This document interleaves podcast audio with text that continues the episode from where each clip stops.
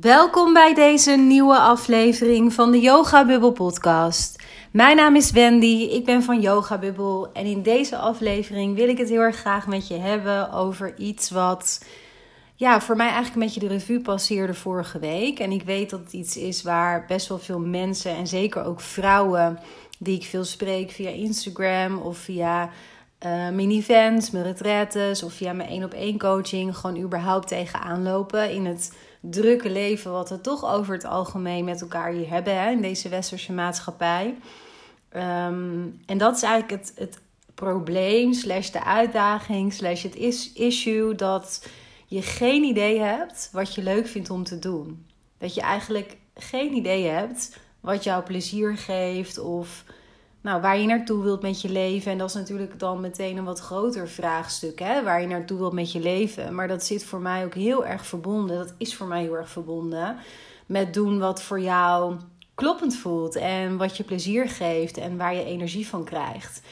Maar ik kom heel vaak tegen dat vrouwen aangeven: ik heb eigenlijk helemaal geen idee, Wendy, wat ik leuk vind om te doen. Ik heb geen hobby's, ik heb geen dingen die ik in mijn vrije tijd doe, want ik heb eigenlijk bijna geen vrije tijd. Die besteed ik altijd aan anderen, aan mijn gezin, aan mijn vriendinnen, uh, aan het sporten, aan misschien nog een beetje extra werken of in mijn carrière investeren, wat dan ook. En dan blijft er uiteindelijk natuurlijk niet heel erg veel over qua tijd. Ehm, en dan gebeurt het ook nog eens vaak, dat is tenminste ook vaak wat ik te horen krijg. Ja, als ik dan eenmaal thuis ben en ik heb een momentje voor mezelf, of ik heb een zaterdagavond even niets, dan plof ik het liefst op de bank en dan zap ik een beetje rond of ga ik lekker Netflixen. Waar, begrijp me niet verkeerd, hè, in basis natuurlijk helemaal niets mis mee is. Ik houd ook echt zeker van het kijken van een leuke serie of van een mooie documentaire. Ehm, dus dat is voor iedereen ook, ook anders natuurlijk, wat je daarin fijn vindt om te doen. Alleen op het moment dat je jezelf elke avond of op elk moment dat je maar wel een uurtje vrij hebt of een paar uurtjes voor jezelf hebt, dat je toch gaat liggen Netflix, om dat voorbeeld maar even te gebruiken, dan denk ik wel dat het goed is om te kijken waarom doe ik dat? Want heel vaak hoor ik dat uh, vrouwen, mensen dit doen omdat ze ja, gewoon echt even het verstand op nul willen zetten, doodmoe zijn, geen ene, het ene been niet meer voor het andere kunnen zetten en gewoon een soort apathisch als het ware voor zich uit willen liggen kijken. Terwijl um, in mijn beleving, als dat zeg maar is wat er op dat moment speelt, waardoor je Netflix weer opzet, um, het juist ook veel beter voor je kan zijn om iets anders te doen. En dat hoeft niet altijd iets mega actiefs te zijn, want soms is die vermoeidheid ook super belangrijk om fysiek natuurlijk naar te luisteren. Daar ben ik de eerste in om dat totaal te onderstrepen. Um, ik denk echter ook dat um, het gegeven dat je zo moe bent en dat je zo weinig aan jezelf toekomt, Um, dat dat vraagstukken zijn waarmee je aan de slag mag. In plaats van dat je ja, jezelf ook soms een beetje kunt wijsmaken. Hè? Saboteert als het ware. Van ja, maar ik heb het nu verdiend om lekker even te Netflixen en verstand op nul. Terwijl je brein op dat moment natuurlijk ook juist weer extra prikkels krijgt hè? op die manier. Maar goed, dat is misschien voer voor een andere podcast. Want ik wil het in deze aflevering vooral eigenlijk hebben over ja, wat nou maakt dat je eigenlijk helemaal geen idee hebt voor je gevoel wat je het leukste vindt om te doen. Uh, waar dat door komt. Want ik um, geloof zelf wel heel sterk in dat het belangrijk is om te begrijpen waar bepaalde dingen vandaan komen. Zodat je ze daarna ook in het verleden kunt laten, heel bewust. En ander gedrag eigen kunt gaan maken. Waarmee je dus ook nieuwe patronen uiteindelijk. Nou ja, niet alleen creëert, maar ook dieper verankert in jezelf. Um, dus ik wil eerst even stilstaan bij hoe het nou kan dat jij bijvoorbeeld helemaal niet weet voor jezelf, hè, misschien herken je dat ook bij jezelf, uh, wat jij leuk vindt om te doen. Nou, wat ik heel vaak tegenkom bij vrouwen die dit zeggen, die dus echt geen idee hebben. En uh, oh, nog even als sidestep, want dat zei ik natuurlijk net al eventjes in de introductie. Afgelopen week, want dat vind ik wel mooi om hier ook even bij te vermelden.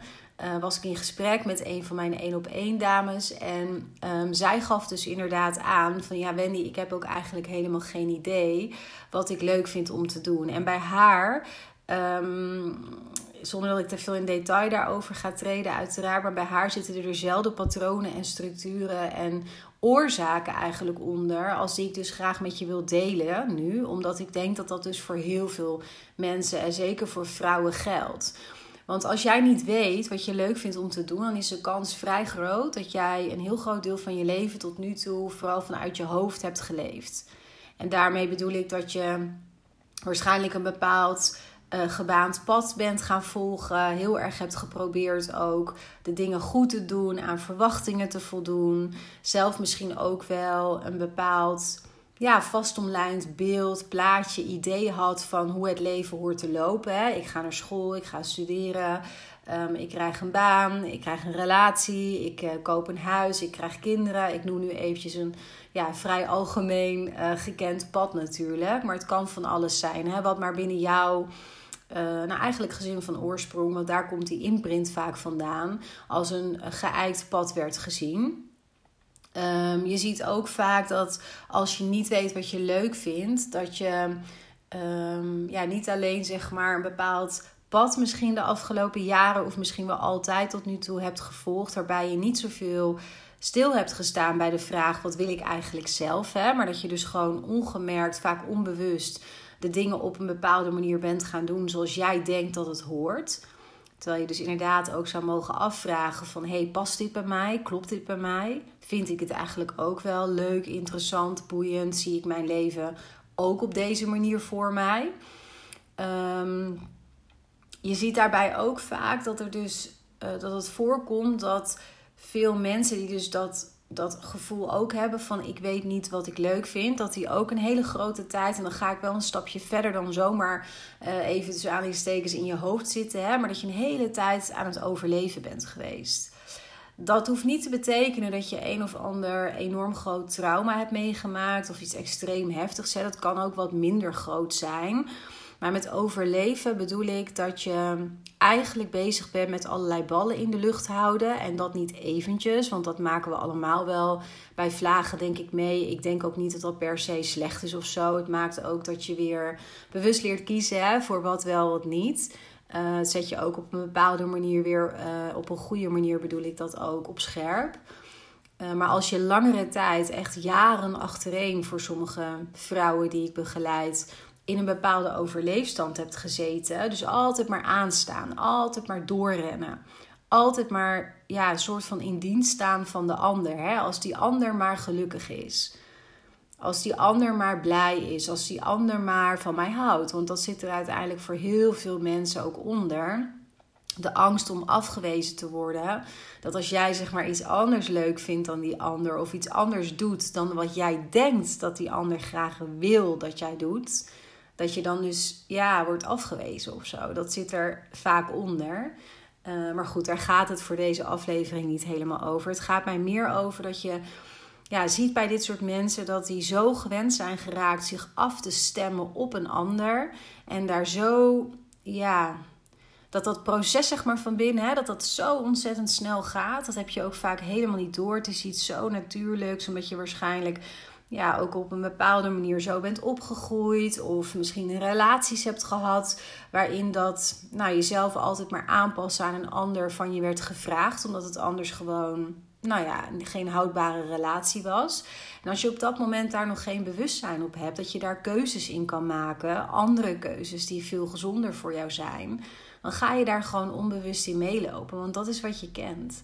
Je weet vaak niet beter en ja, wij als mensen houden gewoon heel erg van dat wat bekend is. En ja, dat appelleert bij, bij ons mensen aan een bepaalde mate van veiligheid. Hè? Een bepaalde mate van comfort zou ik willen zeggen. En het is heel logisch dat als je dus ja, nog niet zo bezig bent met je persoonlijke ontwikkeling en weinig bewustzijn hebt relatief op je eigen patronen, overtuigingen en gedragingen.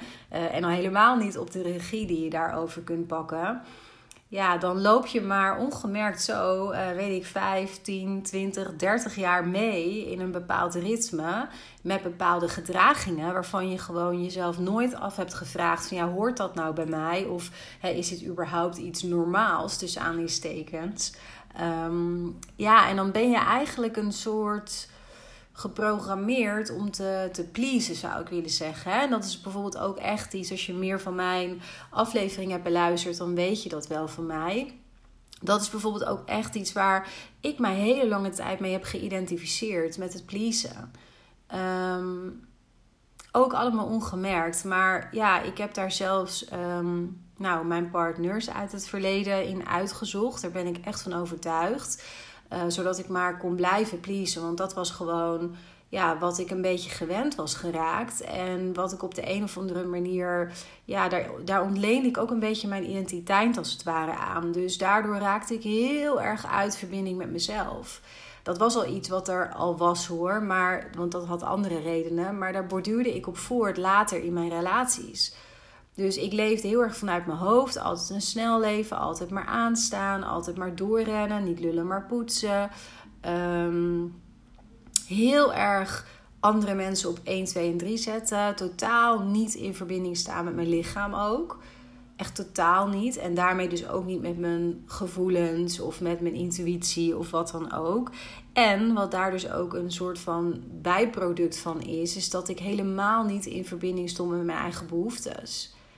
Ik had helemaal geen idee wat ik wilde eigenlijk als ik daar nu op terugkijk. Het was niet zo dat ik geen mening had. Ik ben altijd iemand geweest die echt wel een eigen mening heeft en het, er ook geen moeite mee heeft om dat te ventileren.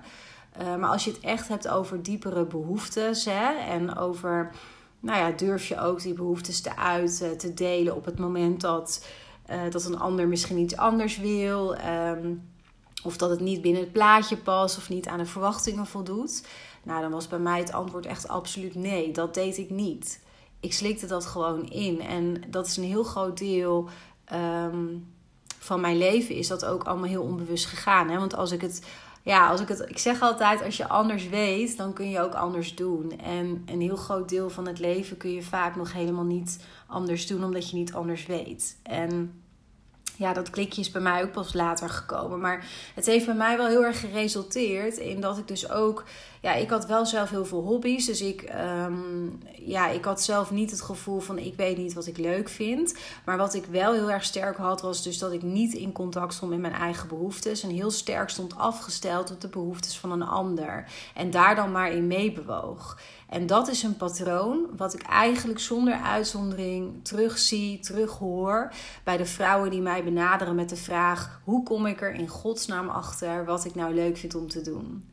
Dat die eigenlijk ook helemaal niet in verbinding staan met zichzelf, met hun eigen behoeftes, met hun eigen wensen en verlangens. En het ook van daaruit heel lastig vinden om daar woorden aan te geven, daar uiting aan te geven. Eigenlijk je waarheid spreken, hè, is waar dat over gaat. Nou, als je dat dan uh, weet voor jezelf, dan is dat natuurlijk enerzijds uh, mooi om te weten, maar daar ben je nog niet mee van de uitdaging af natuurlijk. Want door dit te weten is het niet in één keer zo dat je vandaag wel weet wat je leuk vindt. Dus wat kun je dan daaraan doen? Nou los van dat ik echt, echt oprecht uh, geloof en mee wil geven dat dit een proces is en dat dit onderdeel is, hè, het weer bij jezelf kunnen zijn, verbonden met jezelf zijn, van daaruit je behoeftes voelen, daar uiting aan kunnen en durven geven. Dat is echt een proces wat tijd kost, heel veel geduld, heel veel aandacht, ja, heel veel persoonlijke groei ook, maar vooral ook de wens om dat echt te doen en daarnaar te gaan acteren. Um, dat eerst gezegd hebbende, zijn er wel kleine dingen waarmee je dus gewoon die verandering in gang kunt gaan zetten. En het eerste wat je jezelf eens af kunt vragen als jij niet weet wat je leuk vindt om te doen, dat is wat je als kind leuk vond om te doen. En dat klinkt misschien een beetje gek, want dan, als ik deze vraag wel stel aan vrouwen, dan uh, moeten ze soms eerst ook lachen. Um, weet je, en dan komen er dingen misschien wel boven, ook bij jou, hè, van tekenen. Gewoon zeg maar dingen die kinderen wat meer doen. En volwassenen tekenen natuurlijk ook, maar dat is even het eerste voorbeeld wat in me opkomt. Uh, en dan meteen ook de gedachte erachteraan. Ja, maar ja, ik kan toch nu niet dingen gaan doen die ik als kind deed. Dat is ook niet waar deze vraag over gaat. Want het gaat er uiteindelijk niet over voor mij of je dan letterlijk de activiteiten die je als kind deed, uh, dat je die zeg maar nu ook moet gaan doen. Hè? Verstoppertje spelen, laat ik die dan gebruiken.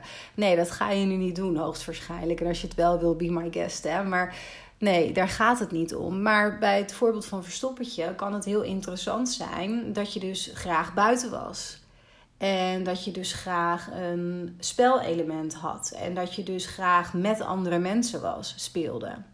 Dat zijn elementen die je daar dus uit kan halen, die je informatie kunnen geven over ja, wat, wat voor een thematiek, wat voor randvoorwaarden, laat ik het zo noemen, belangrijk voor jou zijn om mee te wegen in jouw zelfonderzoek van wat vind ik eigenlijk leuk om te doen. Want in het voorbeeld van het verstoppertje spelen kan ik me voorstellen dat je graag je met je vrije tijd misschien iets mag gaan zoeken wat je buiten kunt doen.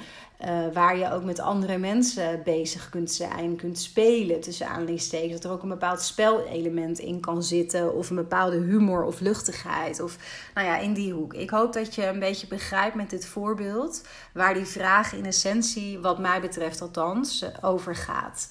Um, en waarom ik de vraag stel als kind, hè, is omdat een kind over het algemeen uh, nog veel dichter eigenlijk bij zijn of haar ware aard is. Hè? En natuur, laat ik dat zeggen, bij zijn of haar ware pure natuur. Um, dus als kind heb je ja, heel natuurlijk bepaalde voorkeuren. En die geef je, daar geef je over het algemeen op dat moment nog veel gemakkelijker uiting aan. Want de conditioneringen, die als een soort van laagjes ziet, dat altijd vormen, uiteindelijk over je heen komen te liggen. En die maken dat jij zeg maar bepaalde patronen gaat ontwikkelen. Je op een bepaalde manier gaat gedragen. Um, wat eigenlijk niet zoveel meer te maken heeft met jouw natuurlijke voorkeur als mens en als kind dus in beginsel. Ehm, ja, dat is juist hetgene waar je last van hebt als je niet weet wat jij leuk vindt om te doen. En daarom kan het heel erg behulpzaam zijn om terug te keren naar je kindertijd en eens op te schrijven voor jezelf van oké, wat vond ik als kind nou leuk om te doen? En daaraan vast dus, ehm, wat voor kenmerken heeft dat? He, bij mij bijvoorbeeld, als ik even het voorbeeld van mezelf ook uh, aanhaal. Ik was uh, echt enorm een buitenkind. Ik kon heel goed alleen zijn. Ik had ook absoluut vriendjes en vriendinnetjes, maar ik kon ook heel goed alleen spelen. Ik vond het erg leuk om in bomen te klimmen, uh, hutten te bouwen, met mijn ouders naar het bos te gaan. Uh, bij mijn opa en oma in de moestuin te, te rommelen, te planten, uh, taarten te bakken. Vond ik heel leuk als kind. Ik was erg sportief en het liefst ook buiten. Um, dus zo heb je al een aantal elementen. Oh, vakanties vond ik ook super leuk. Vind natuurlijk elk kind. Maar ik was er wel echt bovenmatig volgens mij mee bezig. Uh, later wilde ik ook stewardess worden. Nou, dat is, uiteindelijk was dat het helemaal niet natuurlijk. Ik ben iets totaal anders gaan doen. Alleen ik ben bijvoorbeeld wel heel erg veel gaan reizen. En uh, dat, dat zat er eigenlijk jong als kind ook al in. In alles wat ik daarin deed. En hoe ik dat uitzocht altijd. Die vakanties met mijn ouders. Um, en voor mij zaten daar, in wat ik nu beschrijf, zitten daar heel veel elementen in.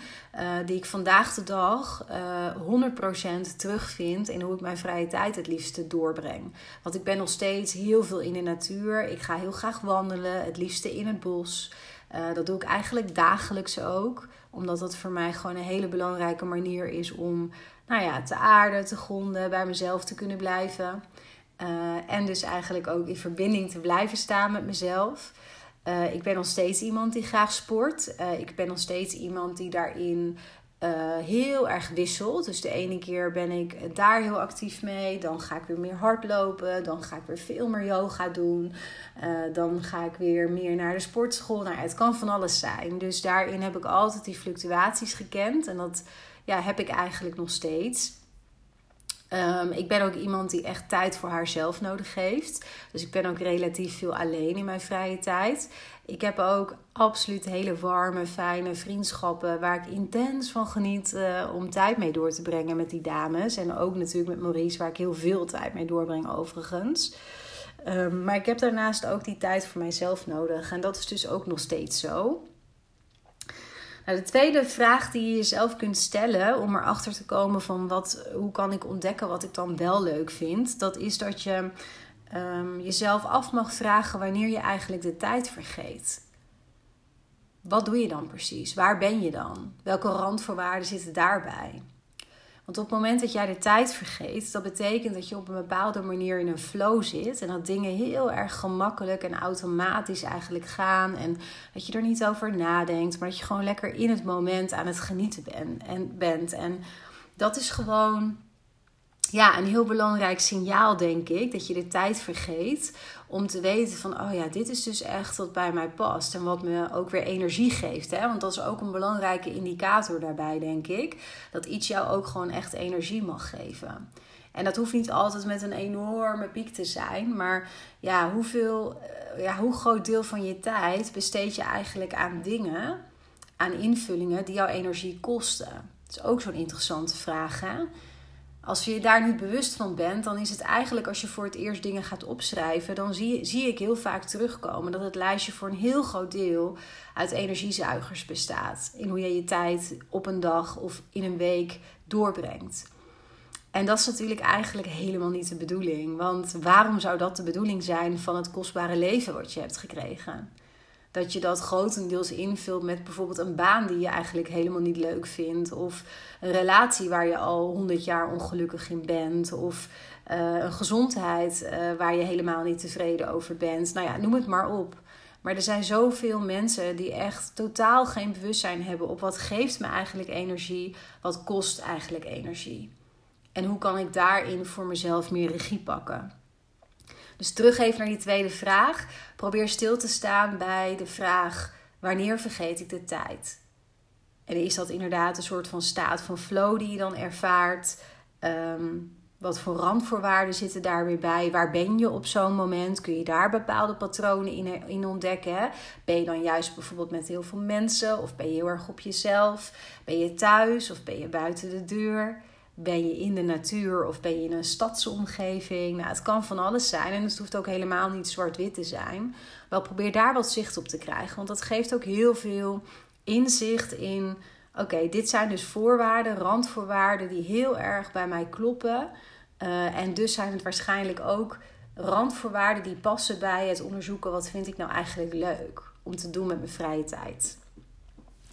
Wat ik je tot slot nog mee wil geven, um, als je er helemaal niet uitkomt, überhaupt niet, ook niet met deze vragen, dat je dat toch te lastig vindt, uh, dan raad ik je sowieso aan om te gaan bewegen. En dat hoor je mij wel eens vaker zeggen.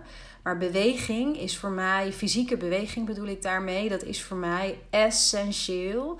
En voor alle trajecten die ik doe, heb ik dat ook mogen ervaren. Het is essentieel in het in contact leren staan met jezelf, met je lichaam, met je binnenwereld, met nou ja, gewoon wie jij in essentie bent. En door je lichaam in beweging te brengen, breng je in mijn beleving veel meer in beweging. Of dat nou gaat over je mentale staten, alles wat je de hele dag door maar denkt. Of dat nou gaat over je emoties, die daardoor ook in beweging kunnen komen, wat ook heel gezond is. Maar je brengt gewoon door je fysiek in beweging te brengen veel meer in beweging. Dus als je het echt niet weet, begin daar. Begin met in je lijf landen door te bewegen. En dat kan voor jou betekenen dat je jezelf uh, misschien wel af gaat beulen in de sportschool. Als dat is wat goed voelt. Want dat is belangrijk. Wat voelt voor jou goed? Dat vind je ook leuk om te doen. Maar het mag ook zijn lekker yoga doen. Of wandelen. Of dansen in de woonkamer. Of met je partner. Of bedenk het maar. Maar fysiek gewoon jezelf echt in beweging zetten. Dat is een ongelooflijk belangrijke belangrijk iets voor iedereen, denk ik. Want we zijn als mensen niet gemaakt om niet te bewegen. Probeer die beweging echt op te zoeken. En het liefst dagelijks dan wat korter. In plaats van twee of drie keer per week echt lang. Daar geloof ik althans in. En dat is mijn eigen ervaring dat dat goed werkt. En van daaruit zul je echt gaan merken dat je weer meer in contact komt met jezelf, met je lichaam, met je behoeftes. En dan ga je ook beter leren voelen wat vind ik eigenlijk leuk. En wellicht dat je dan ook meer kunt met de vragen die ik je heb gesteld. Wat vond je als kind leuk om te doen? Wat waren daar de randvoorwaarden bij? En wanneer vergeet je de tijd? En hoe ervaar jij daarin die flow? En wat zijn de randvoorwaarden die je daarbij kunt, kunt formuleren of een rode draad die je daardoorheen ziet? Nou, ik hoop dat deze aflevering je heeft geholpen. Als jij zelf ook bij jezelf merkt hè, dat je het lastig vindt om te ontdekken wat vind ik eigenlijk leuk om te doen. Dat je daar geen idee bij hebt. Hoop ik dat dit je een beetje heeft geholpen en wat aanknopingspunten, aanhaakmomentjes of aanhaakmomentjes zeg ik, maar aanhakers heeft gegeven om hiermee aan de slag te gaan. En ja, ik wens je voor nu gewoon een hele fijne dag. En wie weet spreken we elkaar op een later moment.